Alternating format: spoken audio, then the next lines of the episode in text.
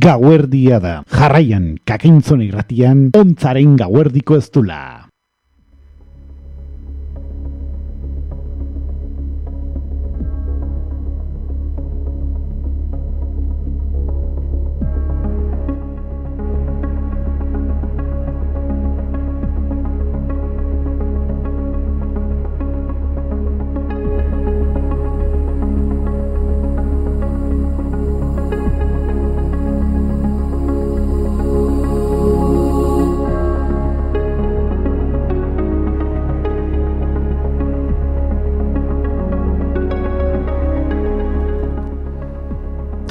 Gabon entzuleo kemintxe gatoz berriro bueltan ere.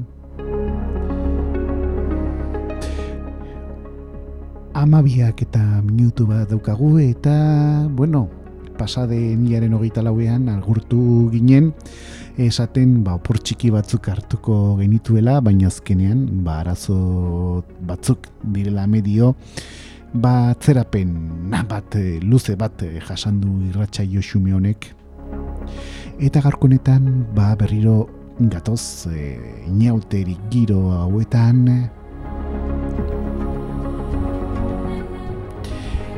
Eta amabiak eta minutu bat dugun honetan ba ematen diogu hasiera gure gaurko tarte berri honi. Astelenetan igandetikan asteleneko gauerdian daukagun ontzaren gauerdiko. Ez dula izeneko irratxa joan zaudete. Eta bueno ba, gabonak pasatu ondoren ba, lehenik eta behin arazo tekniko batzuk zirela medio eta ondoren osasun arazo txiki batzuk e, bueno ba, gara hauetan propio direnak direla medio ba ontzaren gauerdiko ez dularen e, ba, ibilbidea ba, geldituta e, onda eta nahiko genuken baina opor luzesiagok izan ditugu, eh? Eta gaurkunetan berriro gatoz zuei ba, gure gaueko kontu hauek eskintzeko gure ontza berriro bere oiko egaldia hasiko du.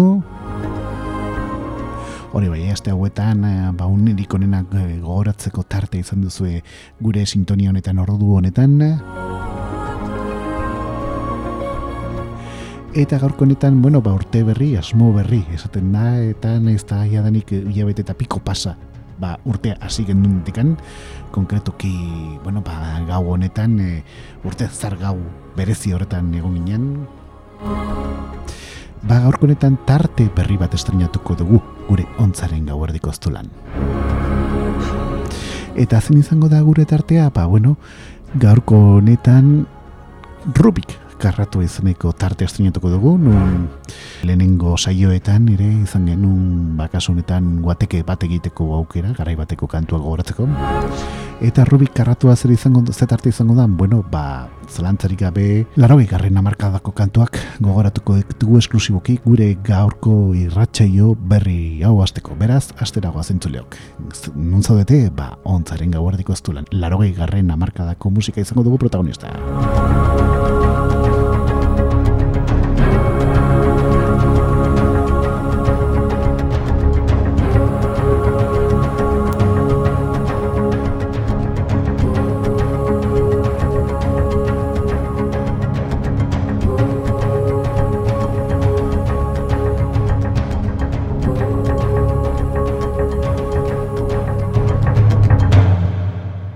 Akainzun irratian, ontzaren gauartiko ez dula.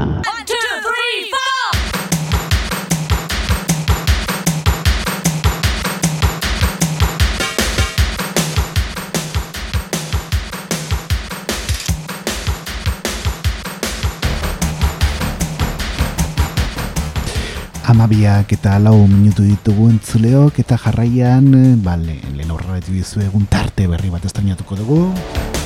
Rubik karratua izeneko tarte izango dugu eta denboraldi honetan noizean behin azalduko den tartetako bat gau. Eta zer izango da Rubik karratuaren tartea? Eh, zeren, bueno, denok ezagutzen dugu kubo da Rubik edo Rubik karratua bere garailean laroge garrana markadako ikonoietariko bat e, izan zen zalantzari gabe. Eta horrela xe, e, ba, bueno, ba, erabaki dugu tarte honi deitzea Rubik karratua izeneko tartea. Nun laro gigarren amarkadako kantuak pezango ditugu ondorengo minututan gure gaurko ontzaren gau erdiko lan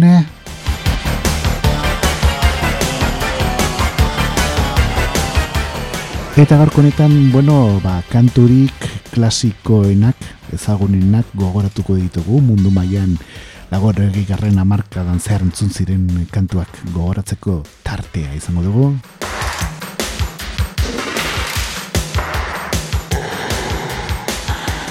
Eta beste beste, ba, hasi laro gehitasei garreen urtean hasiko dugu gure ibilbidea.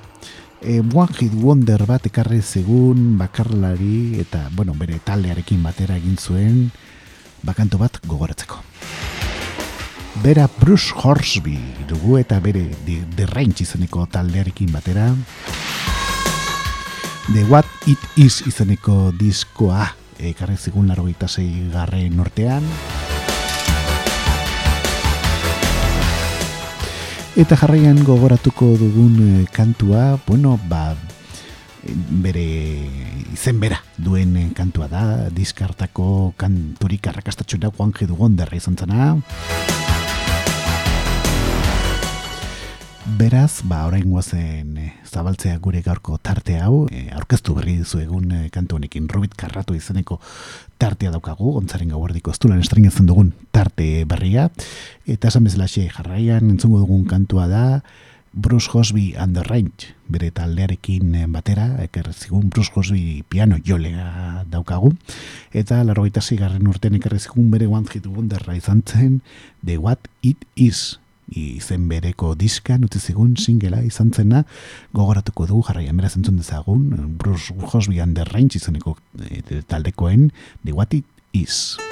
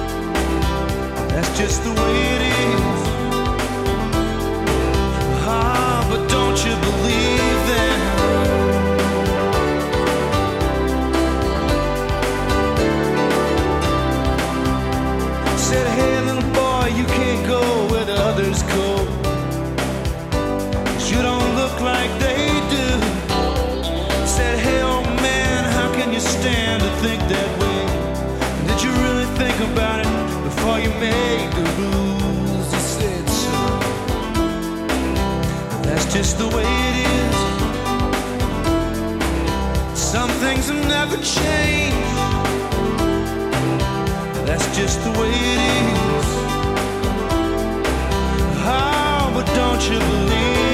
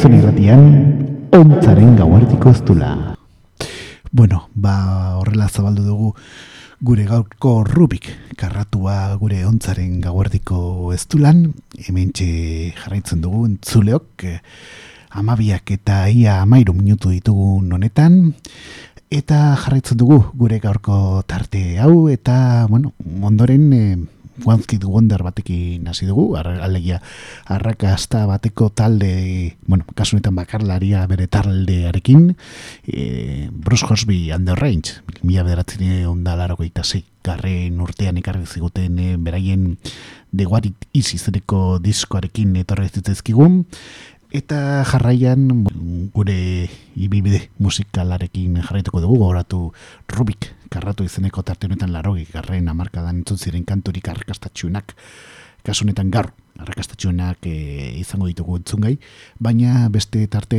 batzuetan bealdeak edo ta, e, kantu ez hain ezagunak edo eta alternatiboagoak e, ziren i, garaia eta kasu honetan e, amarkada horretan e, izan ziren kantuak gogoratzeko bete izango dugu. Baina kasuntan gaur, ba, zerbait erreze gatikan hasiko dugu eta laroge, garren amarkadan kanturik ezagunenekin e, jungo gara gure gaurko tartean. Eta ondoren zintu datozki gute, bueno, ba, norbegi aldetikan e, dat, e, torre zitzizkigun a, ja, taldekoak entzuteko tarte izango dugu. Eta beraiek, ekarrez ezkiguten e, disko batzuk eta konkretuki beraien lehen diska mila bederatzireun da larrogeita bos garrein urtean ekarraziguten junti hit and load izeneko diskoa izan zen eta bertatik gana entzun zen eta rakastatxua izan zen eta amarka da honetako beste klasiko bihurtu den kantu hietariko bat gogoratuko dugu ondoren. Zein da? Take on me izeneko kantu berekin jungo gara ondoren gure ontzaren gauardiko ez kasu honetan eh, ba Rubik karratua izeneko tartean. Beraz, entzun dezagun, ahak taldekoen, Take on me.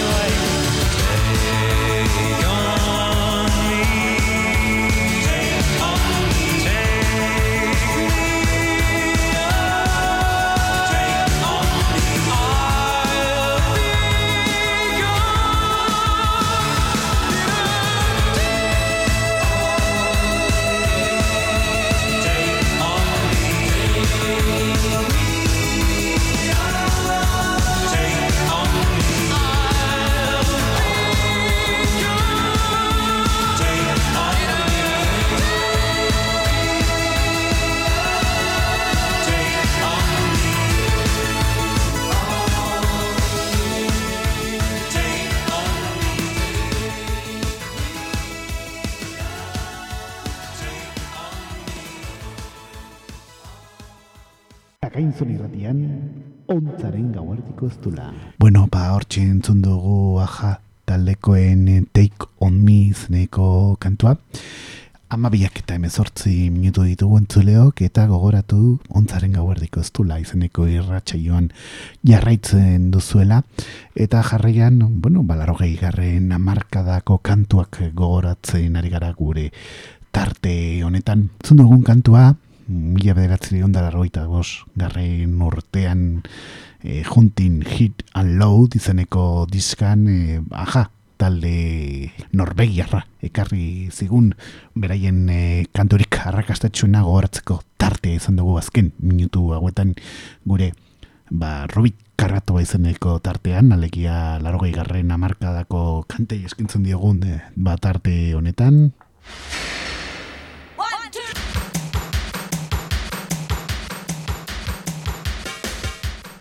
Eta jarraian, eh, bueno, ba, poparen erregina tzat dute de, de, danarekin jungo gara ondoren.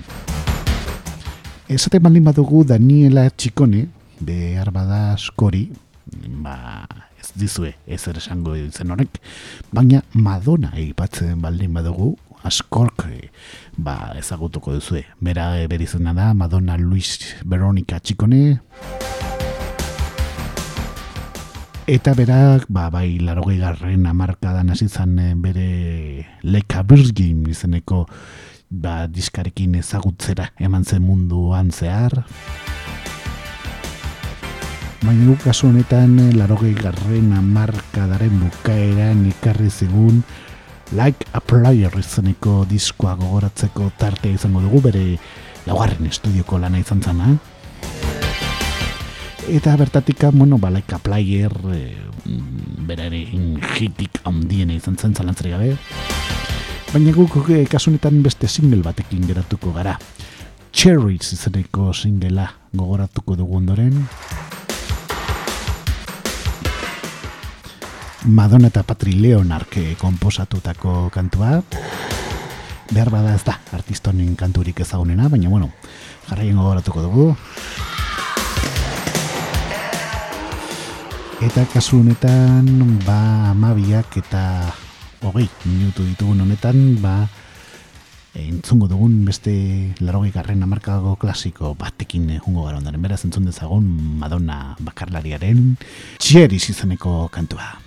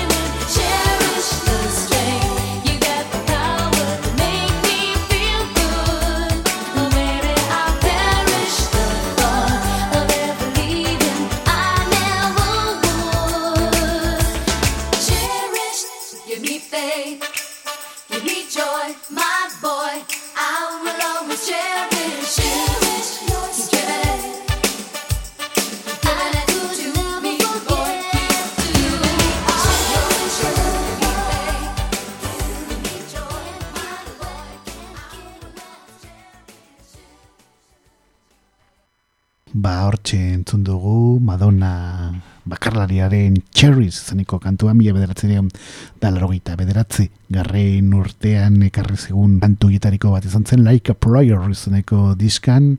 Eta, bueno, behar behar bada diska honetako singleik ba, ezan izan e, reperkusia izan zuen single izan zen hori bai, baina ezan izan behar bada ba, diska horretako singleik famatuena. Eta jarraitzen dugu hemen Rubik karratua Eta zer da Rubik karratua, bueno, bagarko honetan ontzaren gauerdiko ez dula izeneko tenitzen dugun tartea da.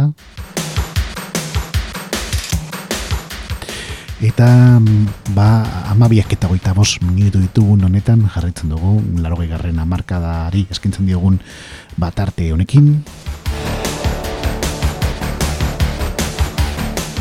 Eta gure urrengo, ba, kasu honetan talde gonbidatua zen izango dugun, Yes izeneko taldea daukagu, ba, erresuma batuen eh, sortzen rock progresio egiten duen talde bitariko bat.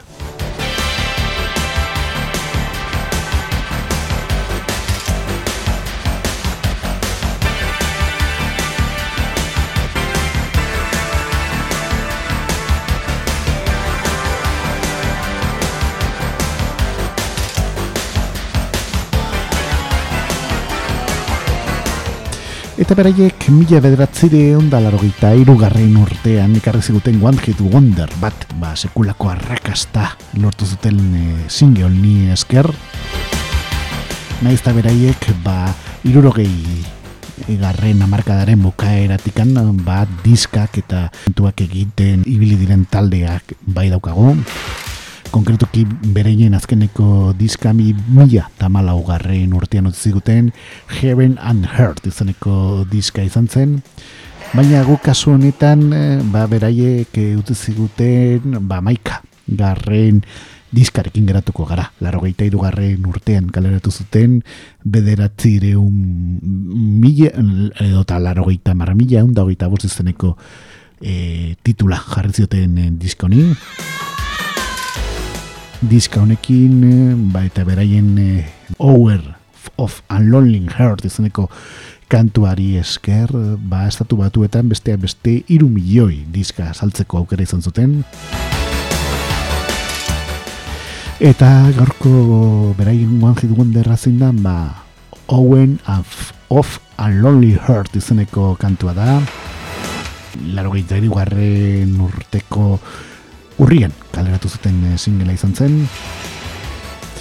Eta jarraian gogoratuko dugun e, single edo eta kantuetako bat daukagu. Beraz entzun dezagun Yes taldekoen Owen of a Lonely Heart izaneko kantua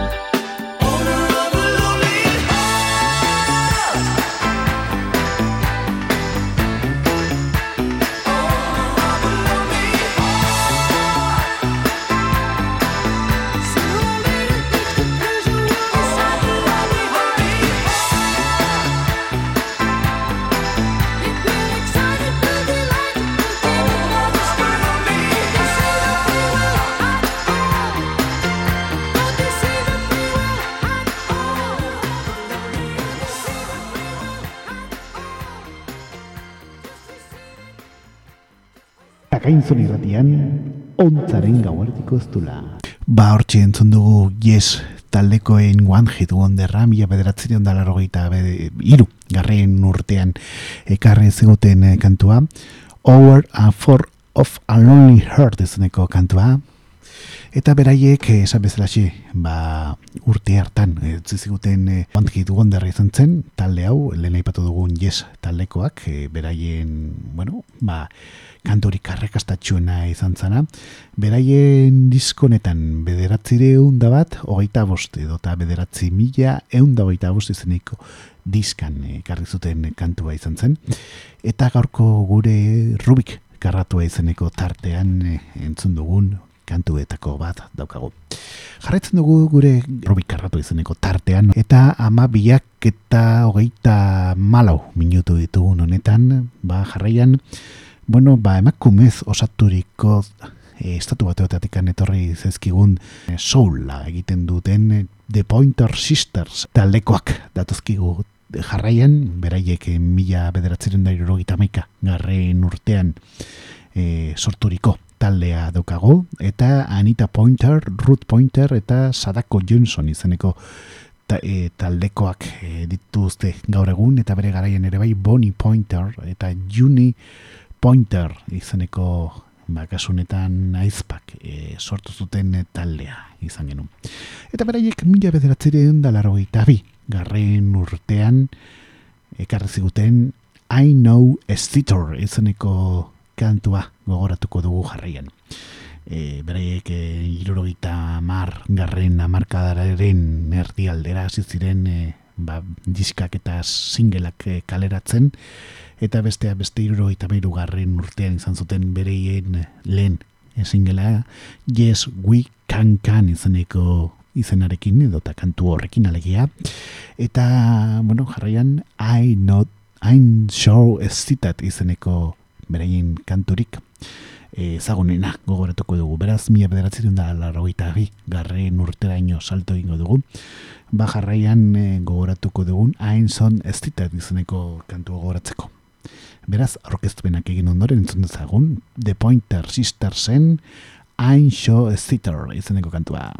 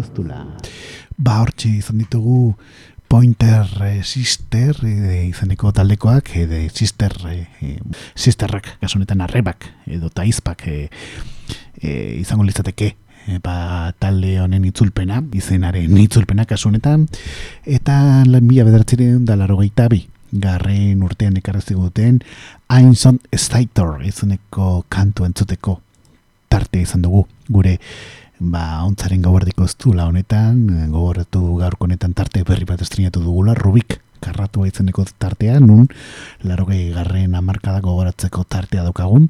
Eta kasu honetan gaurko honetan bueno ba e, amarkada horretan ezagunenak edo eta mintzat arrakastatxuenak izan ziren eh, kantuak gogoratzeko ba, tartea daukagu.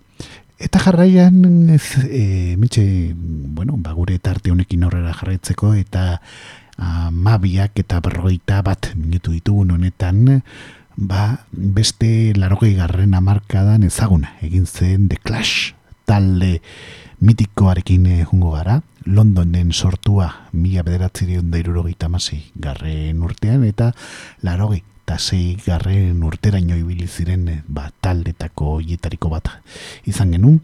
Eta talde hau, bueno, ba, kasu honetan eh, egiten zuten musika estiloa, ba, izan zen eh, bere garaian, ba, rockabilly, reggae, eta ska, jazz eta daf izeneko estiloak izan ziren beraien influentzietako batzuk. Eta, bueno, bere garaian ezagunak egin ziren eh, ba, diska eh, batzuk utzi zizkigutelako bere ibilbide musikalean zehar. Eta konkretuki gaur gogoratuko dugun eh, diska ba beraien bosgarren estudioko lana izan zen Combat Rock izeneko diska. Eh, zabalduko dugu jarraian. Eta ba, bueno, bertatikan beste beste rock de cashback edota show style show a go izeneko kantua etorri ziren besteak beste diska honetan eta guk jarraian ba punk talde honek ekarri zigun show style and show a go izeneko bueno, ba, beraiek larogeita bi garren urtean ekarri ziguten eh, kantu hoieta ezagun, hoietariko bat izan zana, e, gogoratuko dugu ondoren, ba, bueno, besteak beste talde honetan Joe Strummer izeneko ba, taldekidea egon zen bertan, eta, bueno, beraiek e, ba, musikaren historian geratu diren e, bueno, ba, talde, horietariko bat izan dugu, zalantzarik gabe. Eta beste beste Mick Jones, Paul Simonon, Tupper Headon, edota Kate Levene, Peter Howard, Nick Shepard, Vince White edo eta Rock Hard Proper bezalako bueno, ba, taldekideak izan du dituen taldea izan genuen bere garaian, alegia eta jarraian entzungo dugun bueno, ba, kantua, laro bi garren urtean ekartziguten Combat Rock izeneko diskan utziguten, ba, Show I Stay and Show I Go izeneko beraien eh, kantu dik ezagunen etakoarekin jungo gara ondoren. Beraz entzun dezagun, The Clash taldekoen Show I Stay and Show I Go.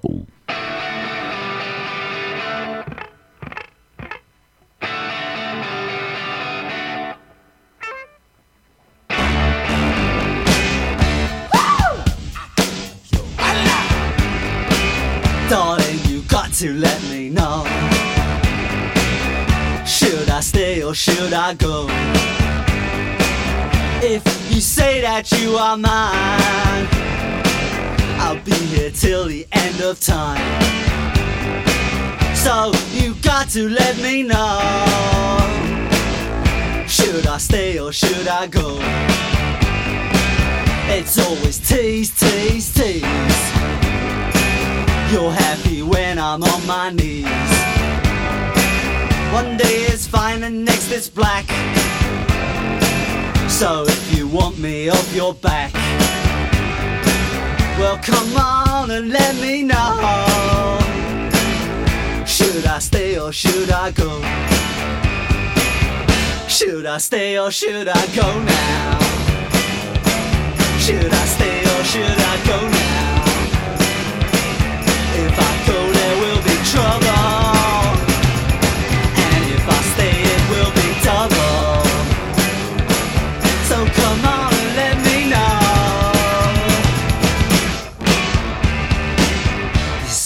indecision's bugging me. If you don't want me, set me free. Exactly whom I'm supposed to be. Don't you know which clothes even fit me? Come on and let me know. Should I cool it or should I blow?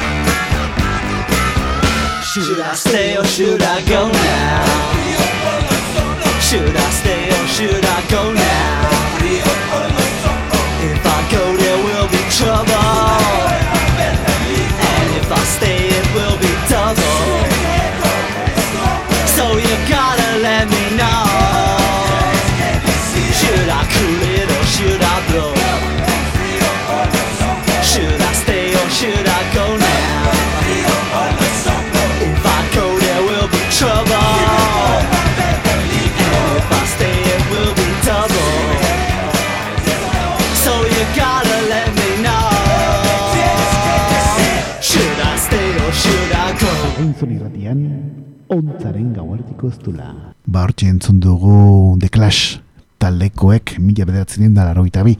Garren urtean ekarri ziguten Combat Rock izeneko diskan utzi ziguten ba Shula Stay and Shula Go izeneko kantua. E, beraien e, kantu ezagun e, e, tako bat ez baldin bada bintzat, ba ezagunenak egin zirenak e, bere garaian, e, ba, kaleratu zuten e, ba, diska honetan Combat Rock, eta bestea beste esan dugun bezalaxe hemen e, ba, beste kantu nik esango eratxuna izan zana baita ere, e, utzi ziguten Rock the Cashback, baina kasu honetan guk gure gaurko Rubik karratu izeneko tarte honetara ekarri nahi izan dugun kantua, ba entzun berri dugun Stay and Shula Go izeneko kantua daukagu. Eta horrela jarraituko dugu eta jarraian, eh, bueno, ba gure larogei garren amarkadako e, bai bilbide honekin aurrera jarraitzeko kantuak, e, ber, e, amarka horretarako kantuak gogoratzen ari gara gure gaurko ontzaren gauardiko ez dula honetan, eta amabiak eta berrogeita zortzi ditugun honetan, ba bestea beste e, jarraituko dugu aurrera eta gure horrengo kantua zen izango da, edo eta taldea zen gonbidatua zen izango dugun, bueno, ba, The Patch Mode taldekoak eh, ditugun, talde hau musika elektronikan eh, ba, aditua daukagu eta larogei garren urtean Bizen Clark eta Andrew Fletcherrek eta Martin Gorek eh, David Grahamek eh, ba, sortu zuten bere garaian eta gaur egun ere hortxe da ebiltza ba, musikaren munduan errepidean diskak eh, kaleratzen. Eta nola gure gaurko tarte hau Rubik karratu izeneko tarte hau laroge garren amarkadan entzun ziren kantuak gogoratzeko tartea daukagun. Ba kasu honetan saltu egingo dugun mila bederatzire da larogei eta iru garren urtera. Zeren urte horretan ba besteak beste jarraian gogoratuko dugun Just Can't Give It Out izeneko kantua ekarri ziguten. Edo eta kaleratu zuten bere garaian e, ba aipatu dugun lagun guzti hauek e, Depeche Mode taldea osatzen zuten eh, lagunak alegia. Eta hemendikan entzongo dugun e, bueno ba kantua ba orkestu berri dizuegun ba kantua daukagu Justin Kevilot bera beraien e, ba kanturik e, edo eta kantuen e, klasikoen txokoan geratu den ba beste kantu bat daukagu zelantzik gabe eta bueno badatu batzuk eman ditugu Depeche Mode taldekoen inguruan hola egin dugu bueno, ba, zeintzu diran, ze urtetatik handabeltzaten musikaren munduan, eta ipatu barraukagu, ba, musika elektronikotik aparte ere, ba, New Age elektronika, dance rock, rock alternatiboa eta rock elektronikoa ere, egin dutela bere ibilbide musikalean zehar Britania reuek, eta, bueno, batatu batzuk eman ondoren, beraz entzun dezagun, aipatu dugu berri duzu egun, laro gehi garren amarkadan e, e, ezaguna egin zen Depeche Mode taldekoen Just and Kevin Out e, izeneko kantua. Beraz entzun dezagun Depeche Moderen Just and Kevin Out.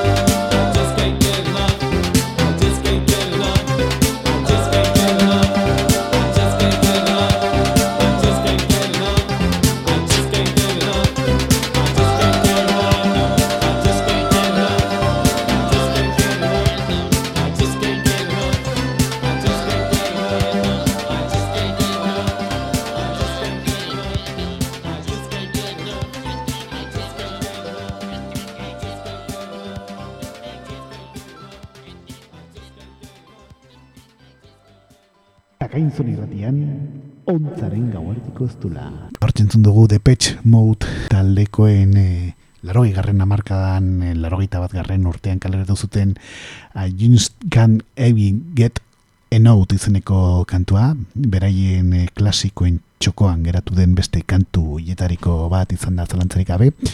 Eta 6 minutu geratzen diren honetan e, ba, goizaldeko ordu batak izateko, bajarrituko dugu gure Rubik karratua izeneko tartearekin.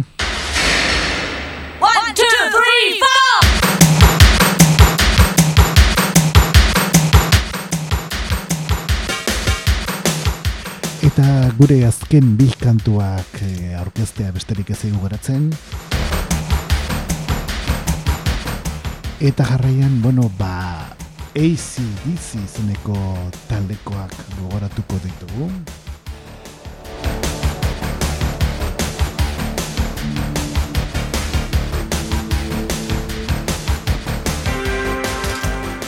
Australia aldean sorturiko e, heavy metal, hard rock, blues rock eta rock and roll egiten duen e, taldea izango dugu protagonista ondorengo minutotan. Angus John da, e, gaur egungo abeslaria, baina guk kasu bere garaian Bon Scott, eh? abeslaria zen garaietan ba, grabatu zen kantu bat gogoratzeko tarte izango dugu. Aipatu barra daukagu Bon Scott mila bederatzen da larogei garren e, ba urtean utzi gintuela.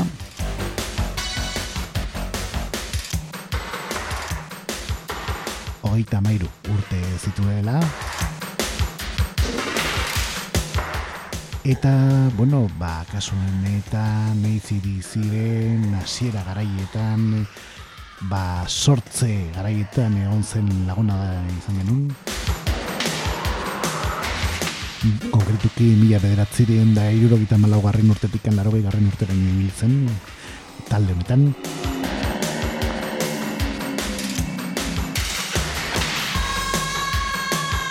Eta guk larogei garren urtean ekarri ziguten Back in Black izeneko diska zabalduko dugu ondoren. Eta bertatik entzungo dugun eh, kantua zein da, ba, Joe Shock Net All Night, All Night Long izeneko kantua izango dugu. Back in Black diskan utzi duten kantua. Eta datu guzti hauek eman ondoren, beraz gogoratu dezagun talde handi honen australiar talderik ezagunena ez baldin bada bintzat ezagunetakoen txokoan daukagun ACDC diren, baipatu dugun Back in Black izeneko diskan utzi ziguten, ba single hau You Shock, Net All Night Long izeneko kantuarekin, ondoren eh, jungo gara, gure Rubik karratua izeneko tartean, hemen gure ontzaren gaurrik oztolan beraz entzun dezagun, ACDC taldekoen You Shock Meet Me All Night Long izeneko kantua.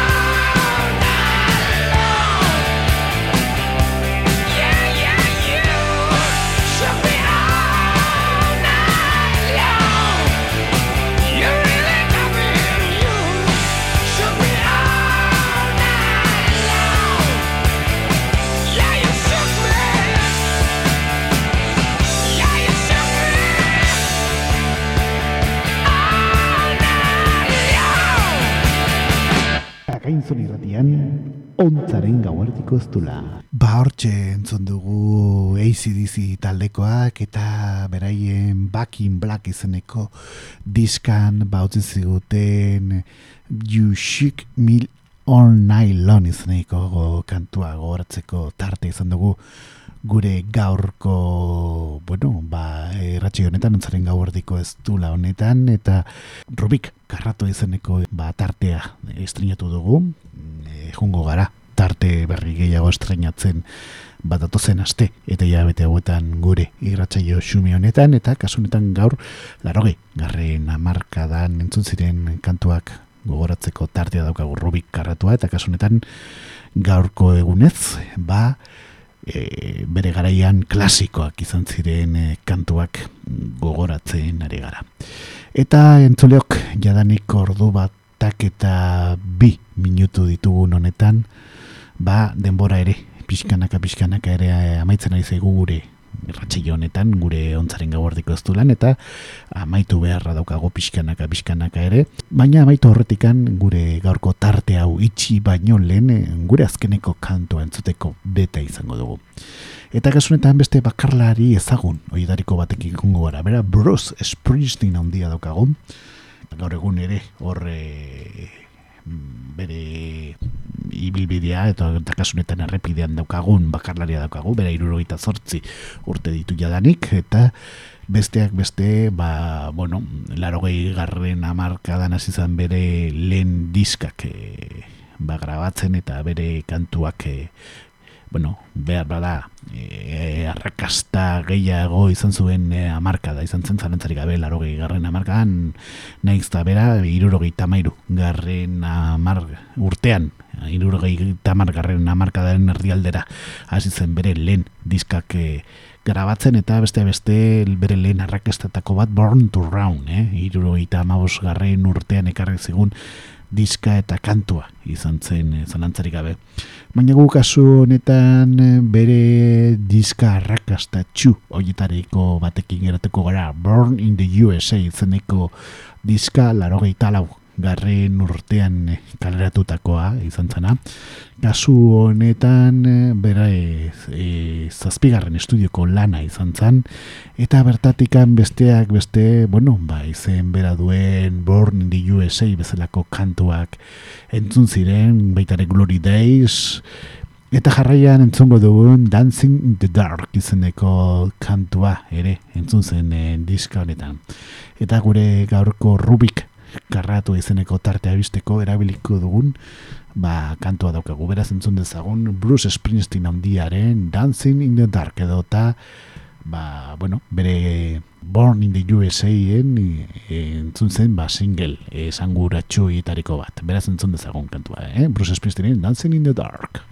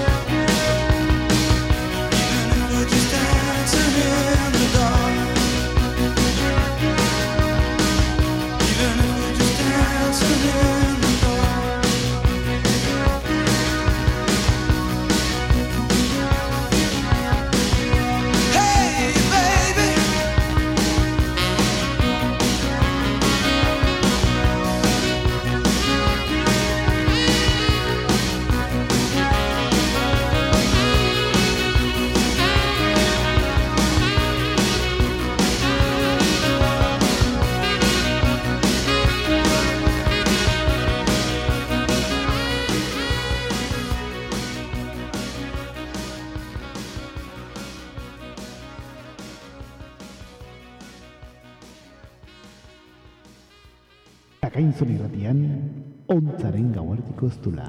Bueno, ba hortxe entzun dugu Dancing in the Dark izeneko kantua. Mila bederatzeri ondalaro geita laugarren urtean Born in the USA izeneko diskan ekarri zigun kantua kasunetan Bruce Springsteen handea.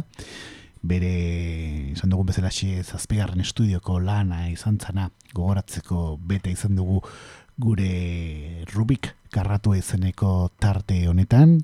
Gaurko gure ontzaren gauardiko ez du lan, larogei garren amarkadako kantuak protagonistak izan ditugu. Eta ordu batak eta bederatzi minutu ditugun honetan, ba amaitzera goaz gure gaurko tartea.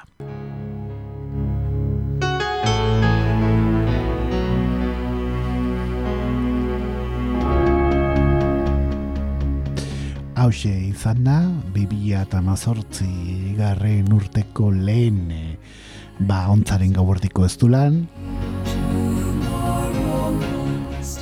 Azkenean, eh, bueno, ba, arazo batzuk tartean izan direlako, ba, nahiko genuken baino berandu xeago hasi dugu gure, bueno, e, gabonetako porre, oporren ondorengo ba, tartea, edo eta ibilbidea, edo, bueno, gure ibilbideari berriro heldu diogu, Eta gaurko honetan, ba, bueno, tarte berri bat estrenatu dugu, konkretuki entzun berri duzuen esu honetan Rubik karratu izeneko tartean, un larogei garren amarkadako kantuak gogoratzen ditugu ne, tarte izango dugu. Noizean behin eh, gure irratxa joxume honetara etorriko den tartea daukagu eta e, Rubik karratu hori ere karreko du, e, irekiko da, ba, noizean behin, e, ba, garai bateko kantu on asko gogoratzeko. Gaurko honetan, esan dugun bezalaxe, ba, larogei garren amarkadan entzun ziren ba, kanturik e, ba, ezagunenak gogoratzeko beta izan dugu. Baina hurrengo tarteetan, espero dugu, ba, bueno, bealdeak edo eta hain ezagunak izan ez zinein ba, kantuak gogoratzeko aprobetxatuko dugu gure tartea. Eta hoxe izan da dena, entzuleok, e, ordu batak eta ia maika ditugun honetan, emango diogu amaiera gure gaurko irratxe joni, gure ontza e, berriro bere e, oiko arbolara bultatuko da, eta okerrik ezean datorren astean, ordu honetan, gauerdi tikan hasita igande tikan astelenerako gauerdi horretan, hemen txetorriko gara zuei kontu berri gehiago kontatzeko. Eta guk agurtu, ba, datorre nostirale arte agurtuko gara, okerrik ez baldin bada behintzat e, gure planin prest izeneko irratsaioan iluntzeko zortzeretatik aurrera, oiko asteburuko kontu kultural guzti horiek eh, aipatzeko. Eta ordura arte ondo ondo pasa astea, izan eh, zoriontsu eta bizitzari irrifarregin. Eta ordura arte, esan bezalaxe, ondo ondo segi, eta gonbidatu jarraian, eh, ba, gure sintonien geratzea FMiko edota kakainzona.eusen, eh, zeren momentuz FM-en ez bait gaude, e, ba, gure goiko kakainzone irrati honen programazioa e, jarraitzen entzuteko gonbidatzen dizuegu. Eta gu bagoaz, eh? E, jaso zazu aitor gutierrezen agurrik beroena eta gaizki esanak barkatu ondo esanak ondo hartu eta datorre nostirale arte agurtuko gara, ondo izan, aio!